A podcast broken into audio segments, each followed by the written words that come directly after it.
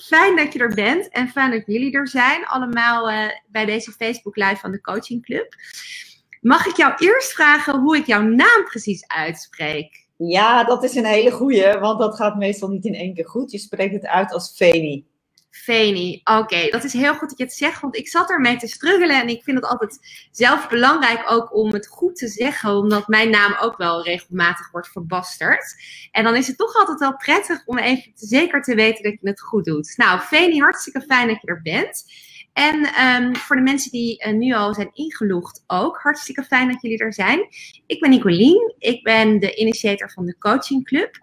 En uh, wij doen uh, elke twee weken, in dit jaar tenminste, en volgend jaar elke week doen we een Facebook Live met een van onze coaches. Om eigenlijk ja, allerlei onderwerpen gewoon bespreekbaar te maken. En mensen die hier interesse in hebben, hè, of ergens tegenaan lopen, gelijk mee te helpen. Want um, coaching is toch wel eigenlijk, wat mij betreft, iets waar iedereen nou aan zou kunnen denken. Uh, we gaan toch ook met z'n allen, hè, ik laat regelmatig mijn nagels doen, ik ga regelmatig naar de kapper. Als ik een pijntje heb, ga ik naar de fysiotherapeut. Maar de meeste mensen vinden toch eigenlijk dat met persoonlijke ontwikkeling, dat we dat allemaal ja, zelf moeten oplossen. En dat is natuurlijk eigenlijk, wat mij betreft, een beetje onzin omdat je juist zo makkelijk door een coach geholpen kan worden. En een coach heeft ook niet um, de filter of de bril op die jij zeg maar op hebt. Dus kan op een wat objectievere manier nou ja, naar jou en naar jouw leven kijken. En samen met zo'n coach kan je eigenlijk ervoor zorgen dat ja, je leven leuker, lichter en mooier wordt op een uh, hele interessante, vriendelijke manier. En vandaag uh, hebben we Veni uh, bereid gevonden om te praten over narcistisch misbruik. En Veni, toen jij dat onderwerp um, liet weten, toen dacht ik, oh jeetje, pittig. Uh, maar wel heel interessant. En wat ik van jou begreep, dit komt ook veel vaker voor dan men denkt. En het is juist zo belangrijk om mensen hierbij te helpen, hè, Veni? Ja, en ik vind het ook heel fijn, uh, Nicoline, spreek ik nou jouw naam goed ja, uit? helemaal goed. Met die E er ook achter, hè? Van, ja. uh, omdat jij ook weinig van dit onderwerp uh, weet, dan ben ik ook heel erg blij. Dus ik zette net al in de chat van, ja, dan kan je ook lekkere verfrissende vragen stellen. Want ik zie ook al gewoon een aantal klanten van mij, Jantine en Riekje en Christine, die zijn al vroeg uit de veren. En ja, weet je, die weten heel veel al onder over dat onderwerp. Maar uh, de gemiddelde Nederlander weet er weinig over. En het is ook nog een taboe onderwerp zelfs. Dus dat geeft ook een beetje aan hè, dat jij ook meteen van, poeh, wat een onderwerp. Weet je wel, het is niet even van, oh, wacht even, het komt toch even binnen van, uh, het is een zwaar onderwerp. En ik heb ook altijd, als ik mijn trainingen geef, dan staat op een gegeven moment die twee woorden zo zwart op wit op zo'n scherm. Narcistisch misbruik. Weet je, narcistisch is al beladen en misbruik is al beladen. Dus um, ja, maar weet je van, het is dus wel super belangrijk dat juist die beladen dingen, die taboe dingen, dat we daarover praten. Want dan gaat eigenlijk de, de, ja, de lading eraf. Ja. Ja. Ja, en, en Veni, mag ik vragen hoe jij hier zo toe gekomen bent om hier jouw specialisme van te maken? Ja, dat vind ik ook weer een mooie vraag. Want ja, hoe kom je op zoiets? Hè? Ik bedoel, ik ben nu 53 jaar. En ja, was dit iets wat ik op mijn achttiende wilde? Of, of, of nog jonger? Nee, natuurlijk niet ik ging naar, ik wilde, ik wilde op mijn dertiende wil ik naar die sportacademie. En uh, nou, ik wou dynamisch sporten en daar was ik mee bezig. En um, mijn videocoach, Sarayda Groenhart, die zegt wel eens van het onderwerp kiest jou. Nou, en precies zo is het bij mij gegaan. Want uh, ja, ik heb eerst allerlei andere dingen gedaan in mijn leven. Ook nog twintig jaar consultant geweest in het bedrijfsleven. En uiteindelijk ja, was er geen ontkomen aan. Moest ik iets met dit onderwerp, omdat het al mijn hele leven op mijn weg lag. Want uh, ik verbrak zeven jaar geleden mijn 22-jarige relatie. Waarvan ik dacht dat is de man van mijn leven tot ver achter de horizon. Ik deed alles met hem. En nou, het was wat mij betreft de meest soulmate, ideale relatie die er was. Maar wat bleek, hij was een narcist. En niet zo'n klein beetje ook. En dat zette mijn leven gewoon helemaal op zijn kop. Dus je hebt een bepaald beeld van je leven en van de ene op de andere dag is dat 180 graden anders. Dus. En, en mag ik vragen, even vanuit, eh, ik heb natuurlijk wel een, een, een beeld en een vermoeden, maar wat is precies een narcist? Waar herken je zo iemand aan? Ja, dat is ook weer een hele goede basale vraag. En ook, want kijk, narcist is ook een soort scheldwoord geworden. Van, uh, of ja, een beetje zo'n woord soms om te teasen van heel veel, net als autist bijvoorbeeld, zeg maar. En uh, die, die woorden die mensen dan zo en passant gebruiken, dat is dan niet wat het is. Want kijk, en bijvoorbeeld als je al een beetje in deze social media uh, tijd veel selfies maakt van jezelf, of je bent een beetje veel al aanwezig, dan kan je al uh, narcisten naar je hoofd geslingerd krijgen, zullen we maar zeggen. Ja. Um, en dat is, dat is dus niet wat het is. Dus iemand die een beetje overdreven ijdel is, of een beetje overdreven egoïstisch, dat is nog lang geen narcist. Dus daar is echt heel veel meer voor nodig. Kijk, narcist is ook afgeleid van narcistische persoonlijkheidsstoornis. Dus in de psychologie heb je een aantal persoonlijkheidsstoornissen. En dat zijn echt wel echte stoornissen die je dan hebt. Dus uh, die hebben maar een heel klein deel van de, van, van de mensen, uh, van de bevolking. Dus een paar procent maar. Dus dat is niet de halve bevolking, gelukkig. en ja, zo'n narcistische persoonlijkheid is echt een, een zwaar iets. En het is ook eigenlijk die kenmerken, er zitten heel veel kenmerken aan vast. Um, bijvoorbeeld in de psychologie heb je minstens negen, of zijn er negen kenmerken en daar heb je er vijf van nodig om een narcist officieel te kunnen zijn. Um, ik heb een video gemaakt met 27 kenmerken van de narcist. Dus dat is geen diagnose-instrument. Maar je weet van als je er dan heel veel van die kenmerken herkent, ja, dan kan je wel ervan uitgaan dat er wel sprake is van narcistische kenmerken. Dus um, ja, wat is een narciste is jouw vraag. Dus dat is dus niet alleen maar iemand die een beetje ijdel en egoïstisch is, maar dat is iemand die, um, en dat merk je eigenlijk pas als je een close relatie met zo iemand hebt, uh, die heel veel liegt, heel, eigenlijk daar een soort gewoonte van heeft gemaakt, uh, heel veel manipuleert, uh, vaak heel erg jaloers en bezitterig is, continu projecteert. Dus die, als die zelf ergens mee zit, um, dan dat op een ander gaat afreageren. In plaats van dat hij zelf de verantwoordelijk, voor, verantwoordelijkheid voor neemt. Dus is absoluut niet iemand die naar zichzelf kijkt. Eigenlijk heel weinig zelfreflectie heeft. Dus het ligt altijd aan die ander. Hmm. Dus, uh, en weet je, zo zijn er nog een heleboel kenmerken die je eigenlijk niet ziet als je gewoon met zo iemand te maken hebt. Want als je, als bijvoorbeeld die narcist, stel ik heb die uh, relatie met een narcist en uh, jij bent met zo iemand aan het praten. En dan zeg je, jezus, wat een leuke vent is dat. En wat is hij charmant. En wat kan hij goed praten. En wat heeft hij humor. Weet je wel? Dus dan, dan zou jij bijvoorbeeld niet eens snappen dat, ik, uh, dat, het, dat een narcist is. En dan denk je, nou Veni, jij bent gek. Dit is toch een, een geweldige man, weet je wel. Maar, um, dus daarom is het ook zo moeilijk te begrijpen voor de gemiddelde Nederlander. Want de narcist, die zie je pas achter de schermen. Dus, uh, en wat... Ja, dat ik je onderbreek. Ik ben gewoon heel nieuwsgierig. Want ja, goed. is dat iets wat kan ontstaan? Of is dat iets wat echt al in zo'n persoon zit? Ja, dat is ook, ook een veelgestelde vraag van is het, is het dan uh, erfelijk of komt het uit het DNA of is het gewoon een stuk opvoeding? Nou, het is beide. Dus uh, je ziet heel veel uh, dat het van generatie op generatie overgaat. Dat is met heel veel misbruik zo, ook met seksueel misbruik. Met narcistisch misbruik ook zo. Dus ja, en um, dus je kan wel zeggen dat het ook wel in je genen zit of in je DNA. Maar het is, wil niet zeggen dat je dan altijd krijgt. Dus het is ook afhankelijk van opvoeding.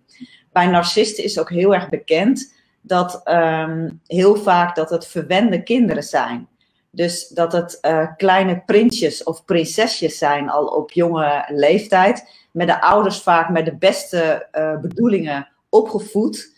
Um, maar dan zie je dat ze eigenlijk zo gewend zijn om een zin te krijgen. Dat ze dat patroon al op hele jonge leeftijd hebben aangeleerd. Nou, voor een vierjarige is dat geen probleem, hè? die zit in zo'n fase. Ik, dan mag het nog, toch? Ja, dan mag het nog. En dan is het ook wel leuk, weet je wel. Want vader en moeder weten dat het dan weer overgaat. Maar bij de narcist gaat het nooit meer over. Dus die is wel op een gegeven moment een volwassen man of vrouw. Maar die heeft op emotioneel gebied is nog steeds die kleuter. Nog steeds die ik, ik, ik. Dus een, een, een narcist wil het allemaal. Ja. Je, vroeger uh, Bassie en Adriana op tv. En dan had je alles is voor Bassie. Weet je wel? Dat is de narcist. Dus de narcist die kan schaamteloos gewoon alles willen. Dus bijvoorbeeld 90% van de ruimte innemen. En jou maar een klein beetje gunnen. En dat vindt hij een totaal normale verdeling. Ja. En, en um, als ik deze persoonlijke vraag mag stellen. Je zegt, ik ben heel lang samen geweest met waarvan ik dacht de man van mijn dromen, de, mijn soulmate. En toen op een gegeven moment heb je, kwam het inzicht van, volgens mij is hij een narcist, denk ik dan. Ik kan me voorstellen dat het in een relatie of voor vrouwen best ook een beetje lastig is om dat dan toe te geven. Wellicht. Kan jij misschien de kijkers ook laten weten wat jou op een gegeven moment heeft doen besluiten van ja, het is een narcist en hij neemt te veel ruimte in en ik verdien ook mijn plek? Ja, nou dat is ook een mooie vraag, want het is inderdaad heel lastig om dat toe te geven. Want ja, voor mij was hij, hij was mijn goeroe. Zullen maar zeggen, want ik had toen ik 21 was een driejarige relatie. En die, uh, uh, die vriend, die kwam um, mijn, uh, nou, mijn ex, zullen maar zeggen nu, waarmee ik 22 jaar was, in het park tegen. En hij was zwaar onder de indruk. Dus hij zag hem ook als een soort goeroe. En nou was mijn eerste relatie best wel een heel kritisch iemand. Heel cynisch ook. Dus niet iemand die heel snel uh, in de wolken was van iemand. Maar hij was helemaal in de wolken van hem. En hij, uh, dus hij vertelde mij in geuren en kleuren wat hij allemaal had verteld. En toen had ik zoiets van, ja, maar dit is mijn weg. Ik moet deze man ontmoeten. En, en, voordat eigenlijk ik hem ontmoet had, had ik al een agreement met hem. Had ik al een, had ik al een band met hem. Alleen op grond van de verhalen van mijn toenmalige vriend. Oh, en nou ja, toen had ik hem dus eigenlijk heel snel ontmoet. En toen, ja, binnen no time uh, was ik van mijn eerste vriend af.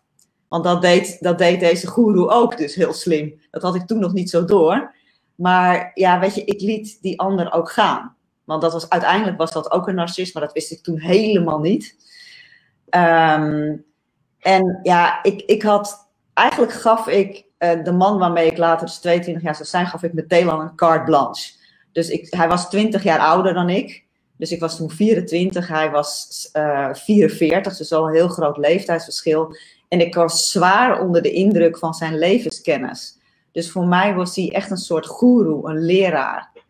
Maar ik zag hem helemaal niet als een. Ik wou, was helemaal, wou helemaal niet een vriend hebben of zo. Maar al na vijf dagen um, ja, zei hij dat hij ineens heel erg verliefd op me was. En hij kuste me op de mond. En ja, wat ik raar vond, want drie dagen daarvoor zei hij bijvoorbeeld dat hij nog helemaal niet aan seks deed. En mijn eerste vriend had dat ook gezegd, van wat ik had gevraagd, wat doet hij dan met seks? Nou, hij doet niks met seks, weet je wel. Dus hij is een soort seksloos. Nou, ik dacht, dat is lekker veilig. Maar na vijf dagen was hij dus heel verliefd op mij en uh, hij zoende me en toen wou hij ook met me naar bed om me, om te genezen.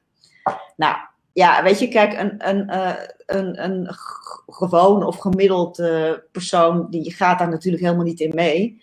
Maar ik wel. Even mijn achtergrond is ook dat ik survivor ben van incest. Op jonge leeftijd uh, als babytje misbruikt door mijn vader. Dus, maar dat wist ik toen ook allemaal niet. Maar dat speelt allemaal mee, waardoor ik eigenlijk zo ontvankelijk was voor deze man. Dus het lag eigenlijk al helemaal in mijn kindspatroon om daarin mee te gaan. En dat deed ik dus ook. Dus ja, vanaf toen had ik eigenlijk meteen zoiets van: ja, dit is de man voor altijd. En ik, ik, ik, weet je, ik kan helemaal op hem vertrouwen. Hij is mijn vader, hij is mijn moeder, hij is mijn guru, hij is mijn alles. Was je ook hè, want uiteindelijk is de relatie natuurlijk verbroken, omdat je zegt, ja, ik kwam erachter, hij is een narcist en hij, te veel ruimte versus mijn ruimte.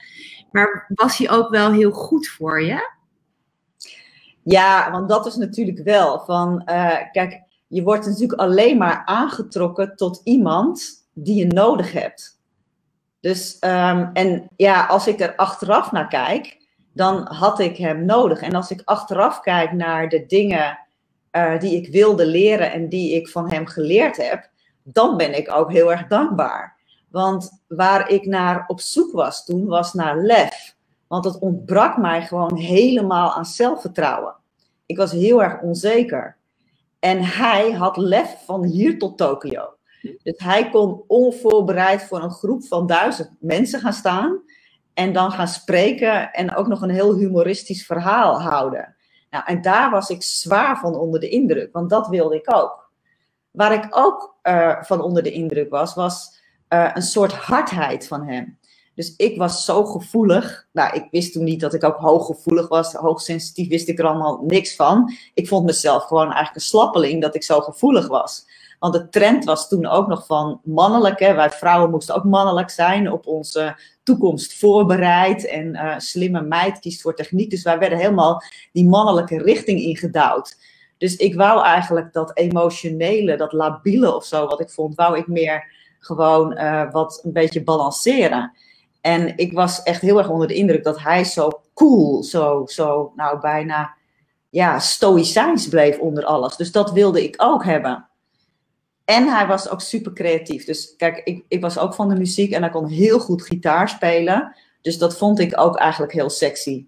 Dus weet je, er waren wel degelijk heel veel dingen die ik aantrekkelijk vond. Wat anders dan, ja, dan, dan word je ook niet aangetrokken tot zo iemand. En dan blijf je er ook niet zo lang bij. Nee. En wat was dan het moment dat je zei van, of wat was misschien wellicht het eerste moment waarvan je een eerste twijfel of glimp kreeg van, hey, is dit een gezonde relatie? Ja, feitelijk direct waren er al heel veel dingen.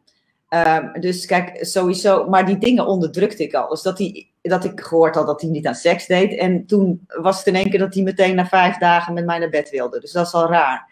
Maar weet je, dus ik weet nog dat ik dat raar vond, maar ik weet ook dat ik die dingen gelijk wegdrukte. Dus um, ja, dat was mijn, mijn patroon, mijn overlevingsstrategie. Dus er waren tal van die dingen. Wat ook heel raar was, was dat hij.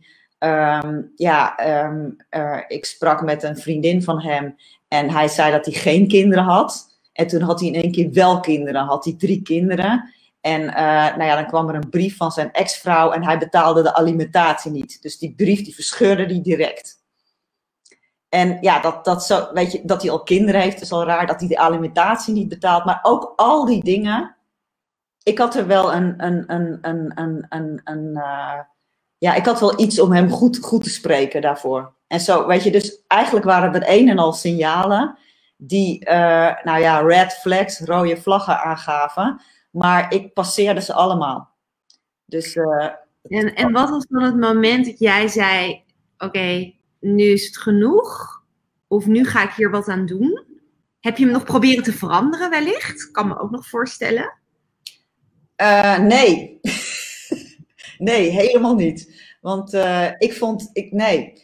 Want ik, uh, ik ja, zeker in het begin niet. Later wel trouwens hoor. In het begin was ik zwaar onder de indruk en ik had het gevoel, hij staat helemaal hoog. Hij was een soort god voor mij en ik een soort, nou, super nederige onderdaan die uh, maar blij mocht zijn dat, dat, dat je misschien als hij een kerk zou hebben, dat ik helemaal achterin in de kerk. Maar ik werd helemaal vooraan geschoven, zomaar. Dus dat was natuurlijk een ongelofelijke eer. Dus nou, een beetje zo'n verhouding was dat in het begin. En hij hield er nog andere relaties op na. Dus ik moest, moest eerst nog de eerste vrouw worden, we maar zeggen. Dus dat was, ook, dat was ook een hele struggle. Dat lukte me pas na een paar jaar, zullen we maar zeggen. En weet je, zo is dat dus eigenlijk gegaan. En toen ik eigenlijk pas toen ik die eerste vrouw was en hij helemaal voor mij koos. Wat ook niet zo is, want een narcist is gewoon helemaal niet een trouwpersoon. Van nature al niet, van, door dat. Dus die, ook al blijft die bij jou, dan is het omdat jij eigenlijk heel veel te bieden hebt. Maar als jij niet veel te bieden heeft, is hij zo weer naar iemand anders. Dus het is iemand die eigenlijk heel makkelijk vreemd gaat of bij iedereen uh, gaat tanken, zullen we maar zeggen. Um, even kijken, wat was je vraag ook alweer? wat het moment was waarvan je zegt, en nu is het genoeg. Ja, nu en ook dingen meegemaakt, gezien, gevoeld. Nu is het genoeg. Nu zet ik er een streep onder. Ik heb er geen vertrouwen in. Ik kies voor mezelf. Ja, nou, ik wou met hem de wereld veroveren. Dus het was ook van, wij zouden allemaal zinvolle projecten uh, op gaan uh, starten in Europa.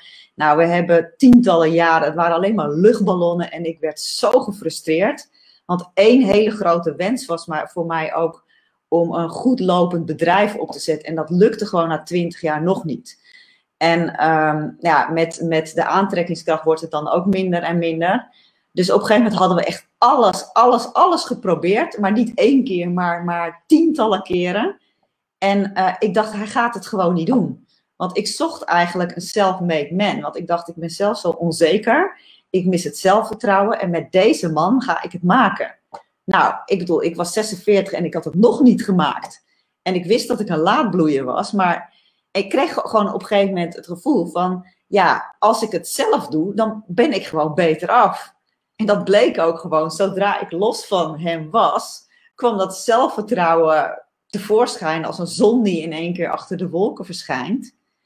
En ik zag toen van, ja, ik kon gewoon al die dingen doen die ik wilde doen. Ik begon een, uh, mijn bedrijf, ik begon een cursus singer-songwriter, ik ging windsurfen. Dus ik merkte van, ik zocht altijd een self-made man, maar ik ben gewoon de self-made woman zelf. en dat het typisch was dat hij dat altijd ook al had gezegd. Hij zei van, jij hebt, dat is ook gek, want een narcist, die zit je eigenlijk alleen maar af te branden, maar af en toe zet hij ook weer op een voetstuk. Dus hij, was eigenlijk, hij zei eigenlijk altijd wel dat ik zoveel in huis had, um, dat, dat ik alles kon doen. En um, ja, weet je, dat, dat geloofde ik eigenlijk niet zo. Maar dat zag hij dus wel goed. En dat was ook precies de reden waarom hij zo lang bij mij is gebleven. Want een narcist is niet gek, hè? Een narcist is heel erg uitgekookt. Dus die, uh, een narcist die voelt zichzelf heel erg leeg. En die zoekt naar mensen met heel veel energie. Dus daarom zoeken ze altijd naar empathische, hooggevoelige mensen, lichtwerkers. Dus dat is misschien ook leuk voor de coaches, hè? want je hebt natuurlijk een coachingnetwerk. En coaches zijn allemaal lichtwerkers. En dat zijn allemaal. Hoe doe jij zo? Ja, dat, ja, ja, een beetje tussen aanhalingstekens, omdat ik ben af en toe een beetje cynisch ook nog over bepaalde dingen. Um, weet je, van ik, ik, ik ben eigenlijk, ik hou ook wel heel erg van down to earth. Dus weet je, ik vind het dan ook lastig om mezelf als lichtwerker te profileren, maar dat ben ik wel. Sterker nog, ik ben het altijd al geweest. Dus uh, dat is net zoals over spiritualiteit. Van, spiritualiteit is super belangrijk in mijn helingsmethode. Maar daar ben ik ook altijd nog een beetje aanhalingstekensachtig over. Of over het geloof of zo. Dus ik had uh, laatst een klant en die, die twijfelde. Die was echt heel enthousiast uh, over mij. Maar die, die had wel twijfels. Ik was heel benieuwd wat voor twijfels ze dan had. En toen zei ze van ja, ik, ik vond jou niet christelijk genoeg. Of dat miste ik. En ik dacht van oh, dit bezwaar heb ik nog nooit gehoord. Van, uh, omdat, wat ik praat dan wel over van, ja, ik ben dan met de katholieke kerk, in, ik wil weer aantekening aan, uh, van die quote gebruiken, de katholieke kerk, omdat die katholieke kerk, ja, daar is van alles mis. Als je het hebt over seksueel misbruik en zo, nou, ga er maar aan staan. En ik denk zelfs dat mijn vader daar ook slachtoffer van is geworden. Je heeft daar nooit over gepraat, hè. Dat was destijds de stille generatie, in de jaren dertig geboren. Dus die praten nergens over. Maar dus ja, ik heb dubbele gevoelens over dat christelijke. En dat ja, katholieke. En over lichtwerkers. Ja, en, en, ja, en ook over lichtwerkers. Want kijk, bijvoorbeeld narcisten. Uh, en daar moet ik nog steeds een video over maken. Dat ga ik binnenkort wel doen. Maar narcisten zij, kiezen ook heel vaak het spirituele pad. Dus bijvoorbeeld um, ja, iemand als Osho, iemand als Bhagwan, dat is de meest geavanceerde narcist-psychopaat aller tijden, wat mij betreft die naast de dood nog helemaal niet grootscheeps ontmaskerd is. Nee. Dus, uh, weet je, van, um, ja, ik, ik, ik heb er nu echt... Een gevoel misschien ergens, dat hè, er zijn natuurlijk bepaalde sectes die dan ook echt, nou ja, de, goed de verkeerde kant op kunnen als daar de verkeerde leider staat.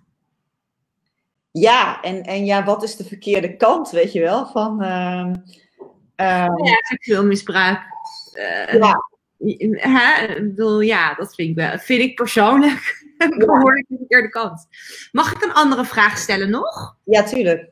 Want uh, op een gegeven moment, je zegt van ik heb het eigenlijk altijd al geweten. Zeker als ik terugkeek, maar ik verheerlijkte hem en ik, je was verliefd en het was nieuw en je kon ook heel veel bij hem halen natuurlijk. En op een gegeven moment heb je al die dingen opgeteld en gezegd van, ehm, eh, ook al blijf ik bij hem, ik kan mijn droom niet verwezenlijken. Um, heb jij, hè, en toen heb je gezegd van oké, nu is het moment om mijn eigen vleugels uit te slaan om het zelf te gaan doen. Want wellicht kan ik het inderdaad beter dan dat hij het kan. Degene naar wie ik altijd opkijk. Heb jij daarvoor ook een stukje persoonlijke ontwikkeling gedaan om daar te komen? Tot dat inzicht? Ja, alleen maar. Dus, uh, want, want sterker nog, van, uh, ik geloof ook nu dat relaties niet zozeer, ja, weet je, gezellig en prettig. Dat is natuurlijk een bijeffect. Maar ik geloof dat relaties er zijn voor persoonlijke ontwikkeling. Dat dat de drive is van alle liefdesrelaties. Uh, en eigenlijk ook alle andere relaties. Maar op mijn achttiende wilde ik helemaal geen relaties. Ik wilde geen gezin, ik wilde geen kinderen, ik wilde dat burgerlijke niet. Ik dacht, ik word nog liever een non of zo. Ja, dat was dan ook weer een probleem, want die katholieke kerk vond ik dus tussen die aanhalingstekens staan. Dus, um, maar ik wilde dus niet een, een standaard leven of zo. En, um, maar uiteindelijk, toen ik op mijn 46ste, dus die 22-jarige relatie verbrak, toen zag ik wel wat het me gegeven had: een enorme persoonlijke ontwikkeling. Dus die relatie heeft me dus heel veel persoonlijke ontwikkeling gegeven. Maar daarnaast heb ik zo'n beetje alles aan persoonlijke ontwikkeling gedaan. Tussen mijn 18e en 53e, wat een mens kan doen. Dus ik ben begonnen met een cursus transcendente meditatie op mijn 18e.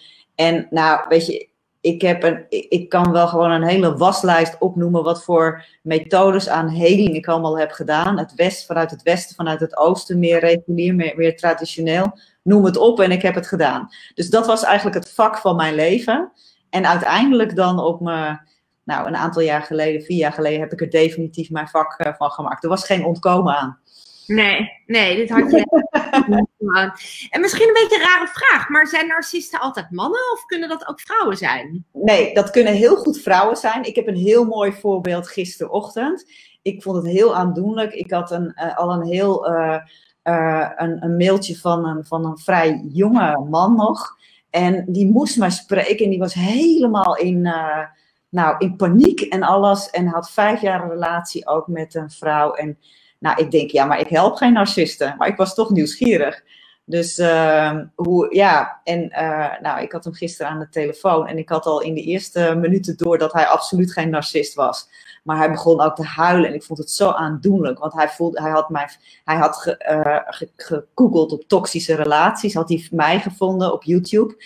En hij had, zat helemaal dat hij een narcist was en uh, over zijn vriendin. En hij wou zo graag die relatie weer goed. En ik had al heel snel door, ja, jij bent die codependent. Dat is de tegenhanger van de narcist. Dus degene die pleest en aanpast en zichzelf wegcijfert. En hij had ook wel dingen van zijn vriendin verteld. Ik denk, nou, als er één iemand eerder een narcist is, dan is het jouw vriendin. En um, dus zo gek kan het zijn. Want um, uh, maar ja, dus um, het, meest bekende is op je vraag terugkomen dat uh, mannen narcisten zijn. Maar vrouwen kunnen het ook zijn. Alleen het punt is, een vrouw is subtieler.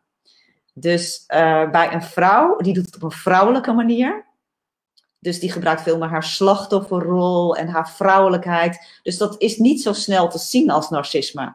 Maar het is het ook wel degelijk. Dus ja, ik, weet je, ik, ik focus meer op, op vrouwen nu. Omdat vrouwen iets meer openstaan voor heling hè, en voor persoonlijke ontwikkeling. Maar.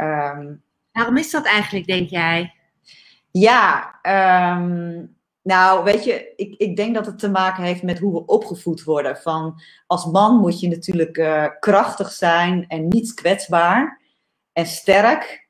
En ja, met coaching is al dat je juist wel kwetsbaar moet zijn. Dus dat is al helemaal uh, niet in lijn met dat mannelijke imago. Dat is, het, is voor, het wordt voor mannen dus zo moeilijk gemaakt eigenlijk om zich te laten helpen. En daarom, kijk, ik denk ook van de Dalai Lama heeft gezegd, ook de westerse vrouw gaat het doen, hè.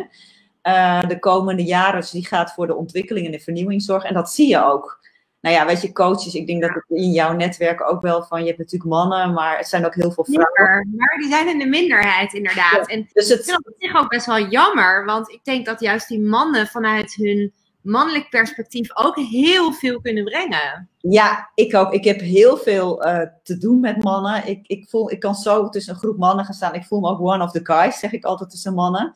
Dat komt omdat ik... Uh, ehm, eh, aan de kant van mijn vader en, en, en broer getrokken werd in mijn jeugd. En eigenlijk mijn moeder en mijn zus, nou, die vonden mij niet zo geweldig. Dus ik ben eigenlijk altijd uh, meer geliefd geworden door mannen, wat ook weer heel raar is. Dus dingen, daar heb ik weer die quote. Mijn leven is gewoon heel erg dubbel. En um, dat met uh, narcistisch misbruik is ook heel erg dubbel. Dus uh, mijn relatie tot, tot mannen is ook heel erg dubbel. Aan de ene kant zijn ze gewoon mijn beste vriendjes en maatjes. Aan de andere kant zijn het ook uh, misbruikers. Ja, maar het is ook zo. Kijk, mannen worden ook opgevoed tot misbruik al eeuwenlang. En tot grensoverschrijding. Daar wat over vragen. Ja? Want wat bedoel je dan precies? Dat klinkt namelijk best heftig, die uitspraak. Ja. Mannen opgeleid tot misbruik. Ja, nou ja, misbruik wordt gewoon getolereerd. En misbruik wordt, kijk, bijvoorbeeld als je, kijk, dan heb ik het niet over alleen narcistisch misbruik, maar ook uh, uh, seksueel misbruik, allebei. Van als jij daar slachtoffer van bent, dan word je gezien als dader. En waarom is dat? Want uh, dat is raar, want seksueel misbruik, zes op de tien vrouwen wereldwijd hebben dat meegemaakt. En vier op de tien mannen, ook dat nog. Maar wie praat erover? Ja, ik praat er wel regelmatig over. Dus omdat ik een taboe doorbreker ben en omdat ik weet dat die taboes moeten doorbroken worden. Ja. Uh, maar het is dus, kijk, het, seksueel misbruik en narcistisch misbruik is meer een norm. Dan zeg ik niet dat iedereen een narcist of een seksueel misbruiker is. Maar het, is, het wordt eigenlijk getolereerd in de maatschappij. Het is een norm. En het is heel moeilijk om de norm aan te vallen. Dus het is makkelijker om te zeggen van, jij hebt het gedaan. Dus uh, als jij uh, in je gezin of zo, waar je opgegroeid bent, dat seksueel misbruik gaat blootleggen, dan word jij geëxcommuniceerd. Dan ben jij uh, dus degene die niet aardig is, niet leuk is, dan ben jij de dader. Maar er staat geen straf op de echte dader, die gaat vrij uit. Dus incestplegers gaan massaal vrij uit. Ik zeg maar dat natuurlijk ook omdat er uh, heel vaak niet over gesproken wordt. Dus het is ook een beetje het kip-en-ei verhaal. Want op zich, onze rechtsstaat is ertoe in staat om dit soort misdaden, misbruik te bestraffen. Nee, onze, nee onze, rechts, ja, onze rechtsstaat is alleen maar in staat om zoiets te bestraffen als je met, uh, met, met keiharde bewijzen komt. Dus dan moet je al foto's hebben van het misbruik foto's, uh, uh, videobeelden het liefst. Ja, weet je, als jij als babytje of als klein kindje misbruikt bent, je, hebt, je kunt geen foto maken als babytje. Als jij daar in de wieg ligt, van ik ga mijn vader even fotograferen, zodat ik hem later voor de rechter kan dagen. Weet je, van, dat, dat kan dus gewoon niet. Dus er zijn geen foto's van seksueel misbruik. Want seksueel misbruik is niet, maar ook niet van, ik heb het nu over seksueel misbruik, maar ook niet over narcistisch misbruik. Dus weet je, van, um, onder narcistisch misbruik zit ook heel vaak seksueel misbruik. Dat is niet altijd zo. Maar het komt wel vaak voor omdat de narcistische grens overschrijden. Nou, als je al grenzen overschrijdt, dan is het ook makkelijk om die seksuele grens te overschrijden. Dus er is geen bewijs van en de maatschappij wil het niet weten. Dus, um... Wat zouden wij eraan kunnen doen vanochtend, uh, maar ook de rest van, uh, van de dagen die volgen, om dit taboe dan te kunnen doorbreken? Nou, kijk, we zijn nu al gewoon heel goed bezig. En dat jij ook deze vragen stelt. En kijk, ik merk dat sommige antwoorden jou ook wel chockeren. Um, en dat snap ik, weet je wel. Van, maar ik vind het toch dapper dat je vragen blijft uh, uh, stellen. En dat je deze Facebook Live niet gaat verwijderen, zullen we maar zeggen. Nee, nee, mijn missie is ook juist om het taboe op coaching, op persoonlijke ontwikkeling, maar ook op dit soort onderwerpen te doorbreken. En mijn shock is misschien meer dat ik dat bepaalde dingen niet weet. heb ik ook van tevoren aangegeven. Narcistisch misbruik, ik ken dat niet. Um, gelukkig. Uh, maar goed, als vrouw ben je, ben je natuurlijk toch vaak kwetsbaar, laat ik het zo zeggen. Dus andere vormen van misbruik, en dan heb ik het niet per se over seksueel misbruik, maar wel misschien intimidatie. Ja, ja. dat geen enkele vrouw vreemd is bijna. En dat is natuurlijk ook juist iets waar we voor moeten gaan staan. Uh, dat taboe doorbreken en daarover praten. Want uiteindelijk, als jij zegt: oké, het zijn zes op de tien vrouwen en vier op de tien mannen, is het een gemeenschappelijk probleem. Ja. Absoluut. Kijk, dat is het super. Ja. ja. ja, en dat, dat is mooi, want uh, um, ja, ik was uh, um, twee weken geleden nog in een Reiki-cursus. En daar ben ik mee gestopt omdat de docenten er niet tegen kon. Uh, omdat ik, als het energiekanaal bij mij open gaat, ja, dan komt dat er ook uit. En dan komt er zoveel heftigheid uit dat niet iedereen daarmee om kan gaan. Dus de groep kon er heel goed mee omgaan. De mannen in die groep ook. Uh, maar de docent kon er niet tegen. Het was too much voor de docent. Dat heb ik heel veel ook meegemaakt met um, therapeuten in mijn leven. Uh, weet je, je kunt zo hoog gaan als klant als dat de coach of de therapeut kan. Ja. Als de therapeut het niet aan kan, en de therapeut heeft ook heel vaak zelf nog een probleem op dat punt, ja. en dan kan je niet verder. Dus ik heb toen de beslissing genomen om er zelf uit te stappen uh, uit die uh, Reiki-cursus. Omdat, uh, kijk, ik kon het wel aan, want ik wist de, de dingen waar ik mee kwam, die kende ik van mezelf. En de groep kon het ook aan, maar de docent kon het niet aan. En dat vond ik een hele moeilijke beslissing. Maar daar heb je dus mee te maken. Je gebleven, toch? Ja, ik was wel trots op mezelf. Ik kreeg ook heel veel waardering van uh, uiteindelijk van die docenten zelf, ook van de groep. Er was ook iemand die me, een man was dat ook, die me gewoon, uh, het was corona, hè, dus je kon eigenlijk niet knuffelen, maar die me echt gewoon een knuffel gaf. Echt ja. hebben. En die precies hetzelfde zei als jij. Hij zei van, ja, als dit gebeurt, want ik was de enige die losging, zullen we maar zeggen. Dus dan komen er echt uh, dan is het niet alleen maar huilen, maar dan komen er heftige schreeuwen uit, weet je wel. Alsof je bijna vermoord wordt. Dat. Ja, en, uh, maar hij zei, dit is niet alleen maar een probleem uh, van, voor jou. Dit is iets wat de hele groep aangaat. En dat vond ik ook wondermooi. Dus kijk, dan heb je weer de andere kant van de man. Hè? Dus dat is zo... Ja, natuurlijk. Ja. ja. Zeker.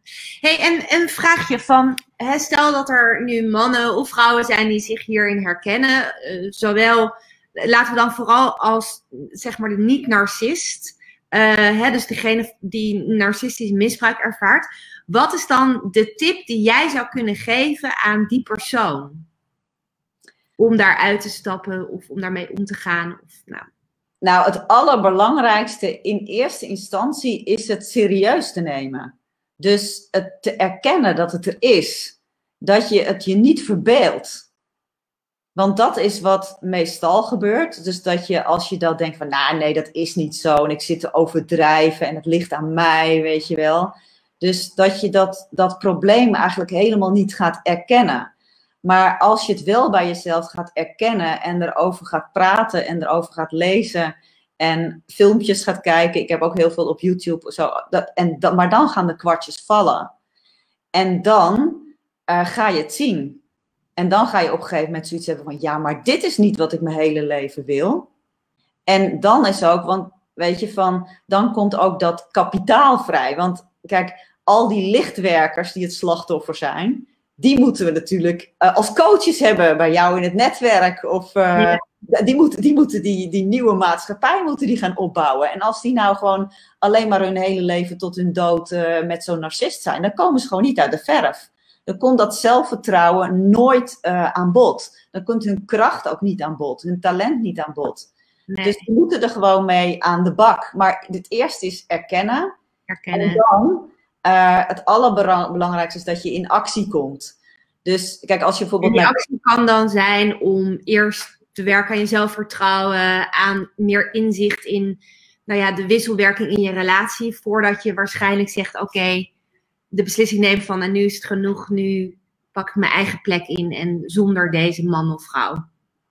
Ja, precies. Dat is een proces. Dus je hoeft niet uh, meteen, dat, dat werkt ook niet, van diegene te laten vallen of zo. Uiteindelijk komt het daar wel op neer, maar iedereen kiest zijn eigen tijd daarvoor. Maar je moet wel um, ermee aan de bak gaan. Dus kijk, als je naar zo'n Facebook Live bent, dan lukt het altijd wel om geïnspireerd uh, te zijn. Dat is nooit het punt. Maar het is altijd van wat doe je daarna? Dus het is belangrijk om voor jezelf een, een kleine actie gewoon te plannen. Van um, um, ja, weet je, je kan bijvoorbeeld naar mijn website uh, gaan, je kan een YouTube-filmpje uh, kijken, maar uh, ga met iets starten. Want dan en pas... zoiets waar je mee kan starten. Stel dat iemand zegt: Oké, okay, ik herken me hierin. Ik, vind het, ik kan me voorstellen dat het heel spannend is om hier ook iets mee te gaan doen. Ook al weet je eigenlijk dat je klem zit, wellicht. Um, heb jij een soort van start waar mensen dan mee aan de gang kunnen? Ja, want uh, nou, ik heb natuurlijk een, een, website en daar heb ik ook een, uh, een mini-cursus, gratis mini-cursus van zeven dagen. En dat is heel laagdrempelig. Dus dan kan je gewoon voor aanmelden en dan krijg je zeven dagen een mailtje.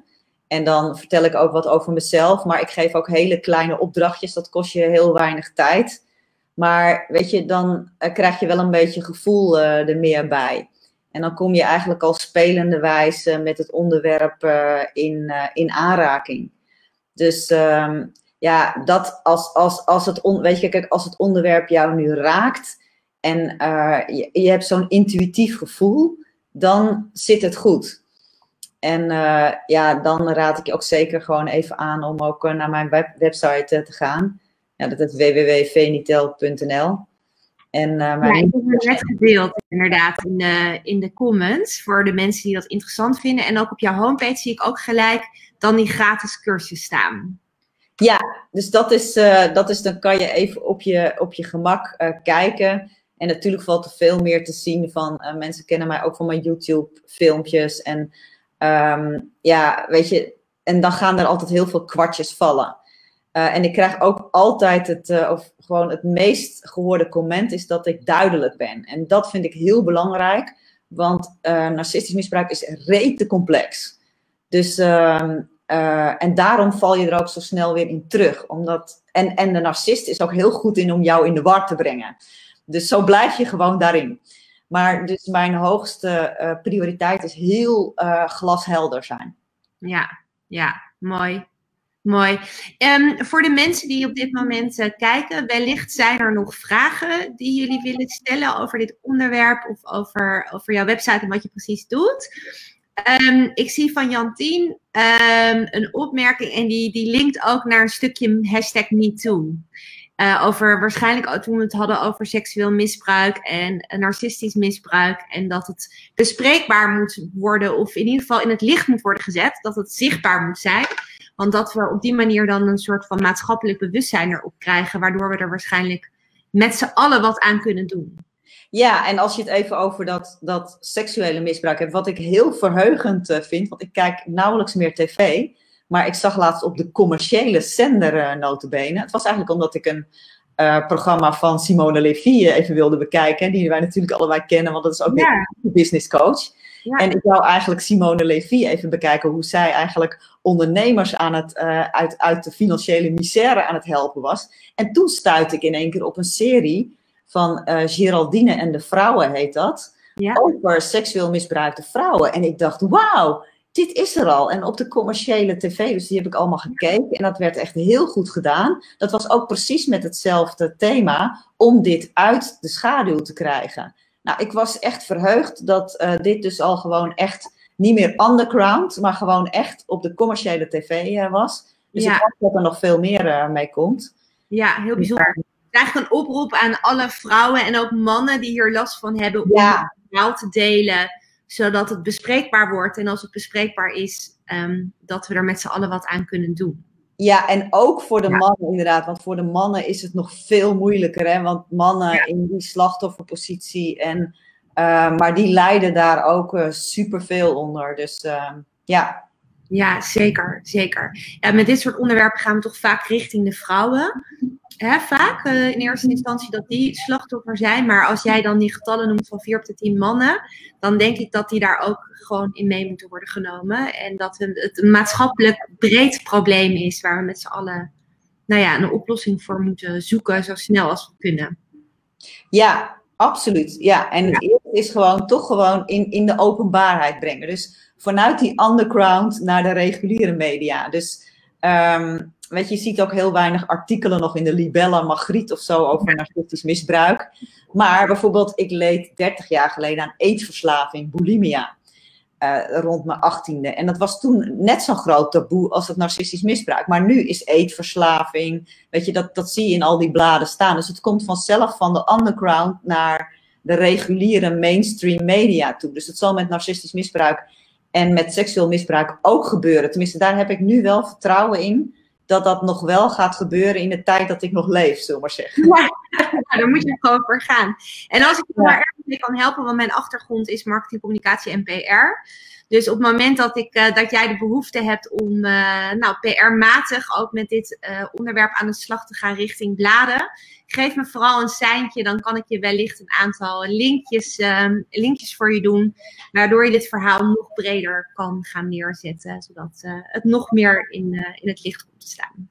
Ja, nou dankjewel voor je aanbod. Daar zal ik ook zeker gebruik van maken. En dat is ook heel hard nodig, want het is zo'n kapitaalvernietiging, vind ik. Want nou, net als ik zei, de narcist die kiest sterke mensen uit. Dus het zijn relatief hele sterke mensen die gewoon hun hele leven niet uit de verf komen, maar die de maatschappij echt zoveel te bieden hebben. Het zijn heel vaak coaches, ook heel vaak coaches kunnen het zijn uh, ja, in jouw netwerk bij wijze van spreken. Ja. Dus, um, of ja. ook weer de mensen die die coaches helpen, die dan later ook weer coach worden of, of dat. Dus uh, het zijn echt de mensen die heel geschikt zijn om die nieuwe maatschappij op te bouwen, zullen maar zeggen. Ja, nou, mooi, mooi uh, streven en mooie missie. Ik krijg er helemaal. Uh, ja, dat is heel raar. Dus we hebben het over een klote onderwerp. Sorry. Ja, ik krijg er wel. Ja, dat is weer zo heel dubbel. Ook in de chat een aantal leuke opmerkingen. Um, mooie uitzending, duidelijk, eerlijk en niet veroordelend. zegt Riekje. Annemarie zegt mooi. Um, Jantien zegt huppatee, de mens health, de flair en dergelijke. Nou, gaat mooi. Ja. Ik wil jou onwijs bedanken voor jouw openheid en eerlijkheid. En um, ja, ook inzicht in wat je zelf allemaal hebt meegemaakt. Want ik denk dat uh, juist vrouwen zoals jij, die dit dan mee hebben gemaakt, um, als die dan dit laten zien en hierover vertellen, dat je een enorm verschil kan maken. Dus uh, dikke dankjewel, want dat eh, is, moet, je, moet je heel dapper en heel sterk voor zijn, denk ik. Om dit zo uh, op de dinsdagochtend op tafel te leggen. Nou, zeker. Ik doe eigenlijk nooit. En ik vind het ook zo dapper dat een aantal van mijn klanten hier ook zo bij zijn. Ik doe nooit om negen uur. Maar dat, dat is zo leuk van samenwerken. Dat je weer hele andere dingen gaat doen. En ik vind het zo leuk om het gewoon in, in zo'n tweegesprek uh, te doen. En vooral dat jij zo verfrissend, neutraal tegen het onderwerp aanstaat. Maar wel uh, niet met weerstand, maar wel met nieuwsgierigheid en belangstelling, maar ook met compassie. Ja. Dus uh, dat is al een goed begin, denk ik. Ja, zeker. Heel hartelijk dank. Ik ga afsluiten. We zijn alweer 55 minuten aan het woord. Um, ja. Het is uh, de hoogste tijd om de dinsdag verder te gaan starten. Maar um, onwijs bedankt en wij hebben sowieso contact. Ja. Dankjewel. En ook iedereen ja. heel hartelijk bedankt. Ja, heel hartelijk bedankt ook iedereen. Ja. Kijken en voor de mensen die nog gaan kijken. En mocht je vragen hebben, um, hiermee zitten en geholpen willen worden, kan je natuurlijk altijd naar, um, naar jouw website. En Licht in Relaties heet het, hè, Fanny? Ja, ik, ik profileerde me vroeger meer met mijn bedrijfsnaam. Licht in Relaties staat voor uh, dat er lichte schijnwerper erop moet staan, maar ook dat het licht mag zijn. Hè? Dus dat het ja. licht en plezierig, dubbele betekenis. Maar het beste is gewoon naar mijn website www.venitel.nl. Ja, nou, onwijs bedankt Veni. Ik zal de link ook nog delen straks onder de Facebook post. En uh, ik hoop dat we een heel hoop vrouwen, maar ook mannen hiermee kunnen gaan helpen. Ja, dankjewel. Dankjewel en fijne dag allemaal. Dag. Doeg.